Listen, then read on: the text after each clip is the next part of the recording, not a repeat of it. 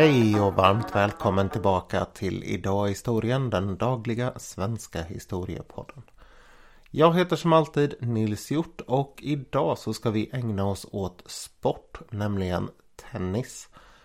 Vi ska kika lite närmare på två matcher på 70-talet som var väldigt, väldigt viktiga.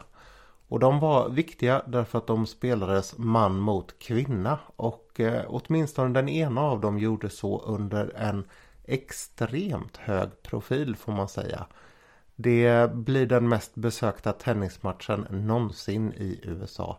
Väldigt mycket som stod på spel där. Men vi ska börja några månader tidigare den 13 maj 1973 på en tennisklubb i Kalifornien. Där var en man som hette Bobby Riggs medlem. Och han hade varit en av de verkligt stora i världen, till och med den bäste. Hans karriär hade dock skadats en aning av andra världskriget 1939 på sommaren innan det bröt ut. Så vann han i Wimbledon både herrarnas singel, herrarnas dubbel och mix. Och han hade satt en rejäl slant på sig själv som han tog med hem. Han fortsatte livet igenom på samma vis och i början av 70-talet så var han ju på väldigt många sätt en föredetting. Han kallade sig själv för en tennis hustler. En, eh, ja, tennisfixare kanske. På lite halvdan svensk översättning. Men han gillade att göra plojar och gimmicks. Han gillade att utmana folk och möta dem på olika sätt. Bland annat att de kunde ställa upp stolar som hinder för honom på hans sida. Eller mål som man skulle träffa. Någon gång så utmanade han till och med någon på match. Där han skulle ha med sig en hund i koppel medan han spelade. Jag vet inte hur det där gick men eh, det var sådan han var. I början av 70-talet så var det väldigt aktuellt med kvinnlig sport i USA också. Det var en lag som heter Title 9 som hade kommit något år tidigare. Och som gjorde att kvinnor skulle ha samma rättigheter när det gällde sport ifall det fanns en del av finansieringen från det federala i USA. Det här gjorde ju att sport som utövades på universitet som fick stat, statens bistånd det var tvunget att ha jämställdhet. En av de personerna som slogs mest för kvinnors rättighet i sport. Hon hette Billie Jean King och spelade såklart då tennis och var också en verklig stjärna på uppgång. Hon blev den första kvinnan i världen som vann över 100 000 dollar på en säsong. Och hon hade börjat vinna en hel del stora tävlingar. Det var ett tronskifte på gång här 73.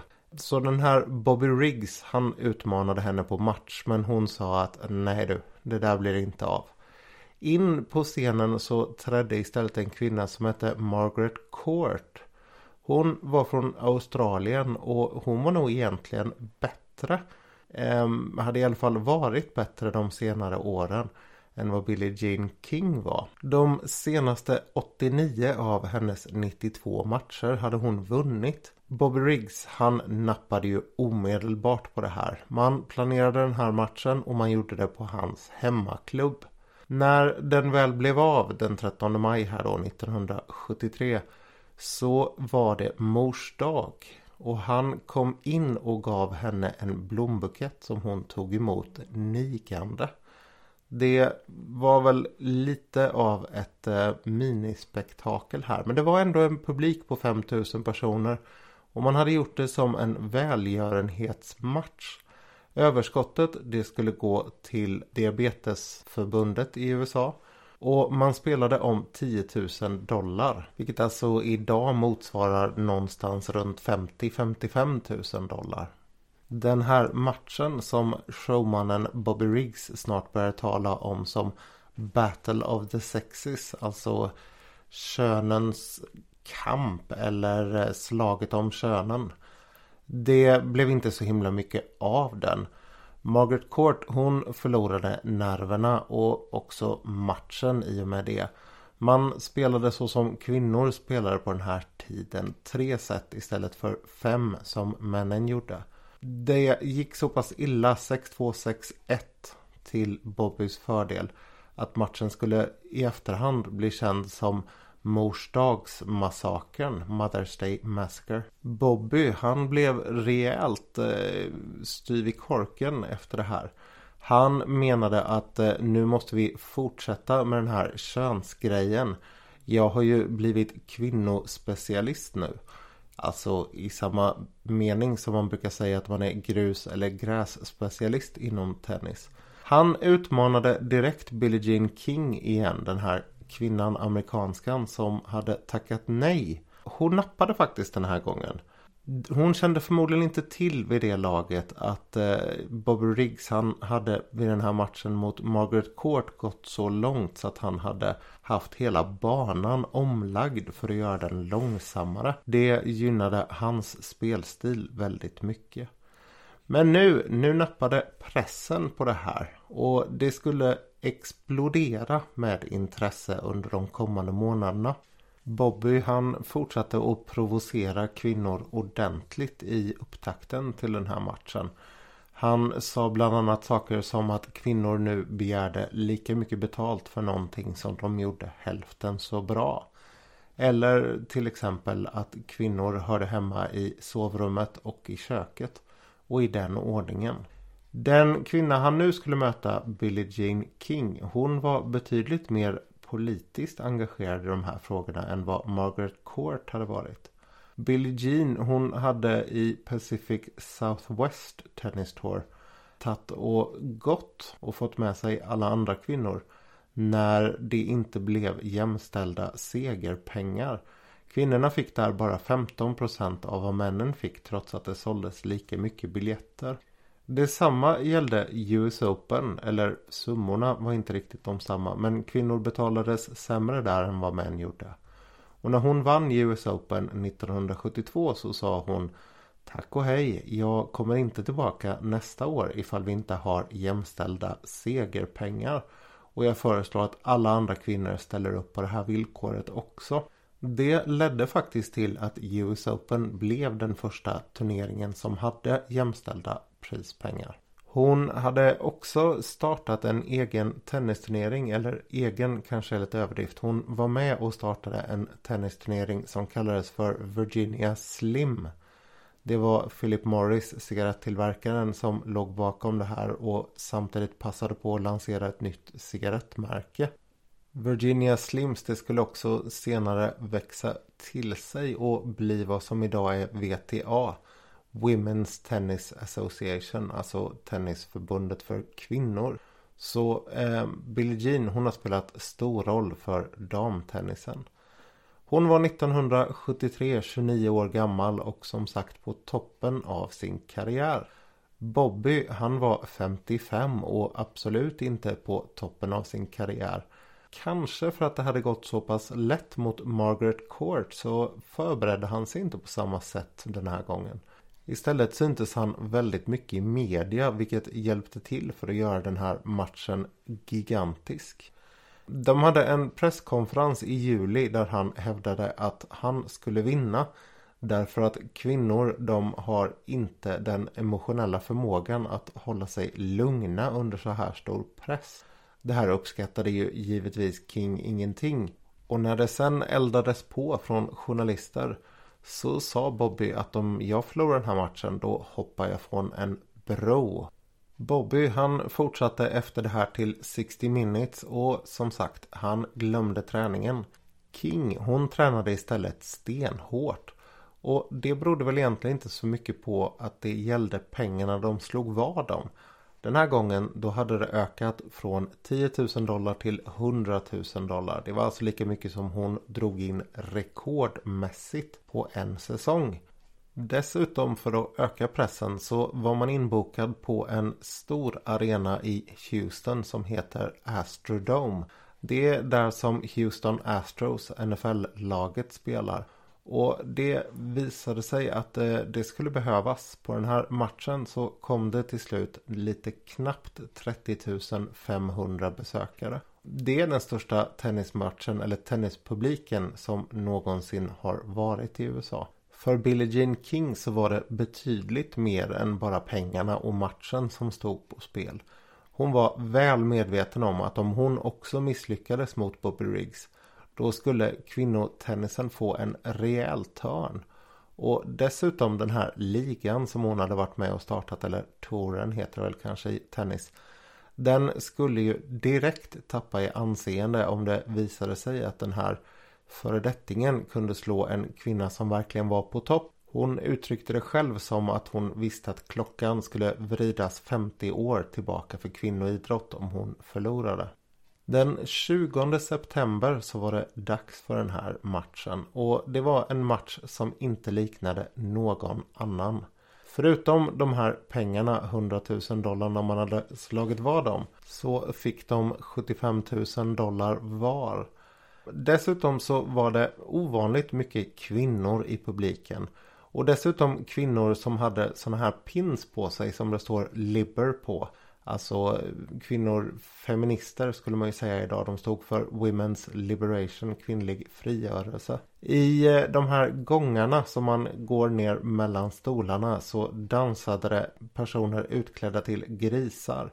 Vilket såklart var en anspelning på att Bobby Riggs var ett chauvinistiskt svin. Entrén som de här två gjorde den var också väldigt, väldigt spektakulär. Billie Jean har berättat i efterhand hur hon stod beredd att gå in när mannen som hade planerat hela det här för tv kom och frågade henne Vi har den här bärstolen här borta. Och då såg hon att det stod ett gäng ordentligt muskulösa män där inoljade i någonting som skulle likna egyptisk slavklädsel. Den här bärstolen de höll emellan sig den hade stora rosa fjädrar. Och hon tittade på den här mannen och sa att ja herregud absolut. Så så kom hon in på Astrodome. Bobby han gjorde en lika spektakulär entré. Han blev indragen i en rickshaw av några ordentligt bystiga modeller. Han kallade dem dessutom för Bobbys Bosom Buddies. Alltså eh, Bobbys bystiga väninnor. Ovanpå det så hade han också en sån där skönt 70-talsskuren jacka i gult med röda detaljer och stor text där det stod Sugar Daddy. Det var en godissort som sponsrade honom och han lämnade också över en Sugar Daddy-klubba till eh, Billie Jean innan matchen började.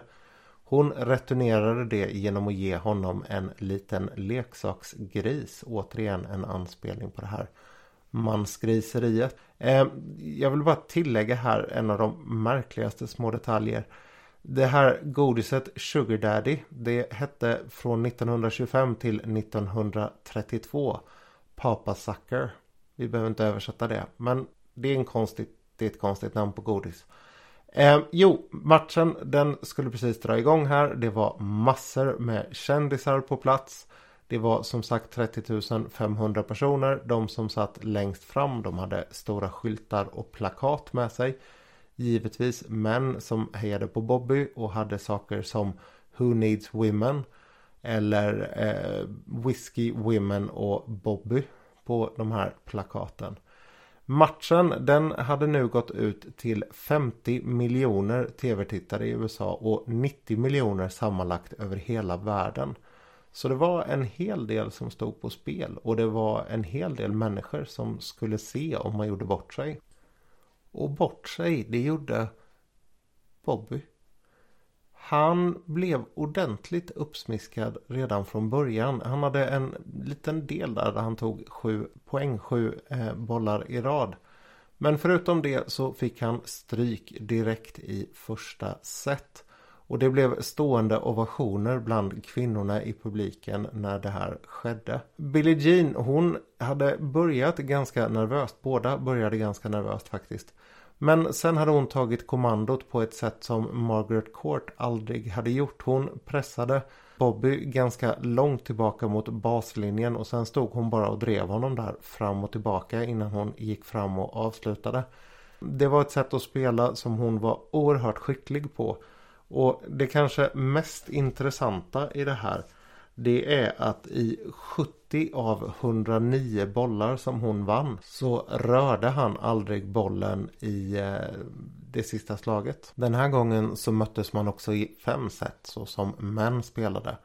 Så Billie Jean hon fick nöjet att köra honom rejält trött. 6-4, 6-3, 6-3 slutade matchen som tog lite över två timmar.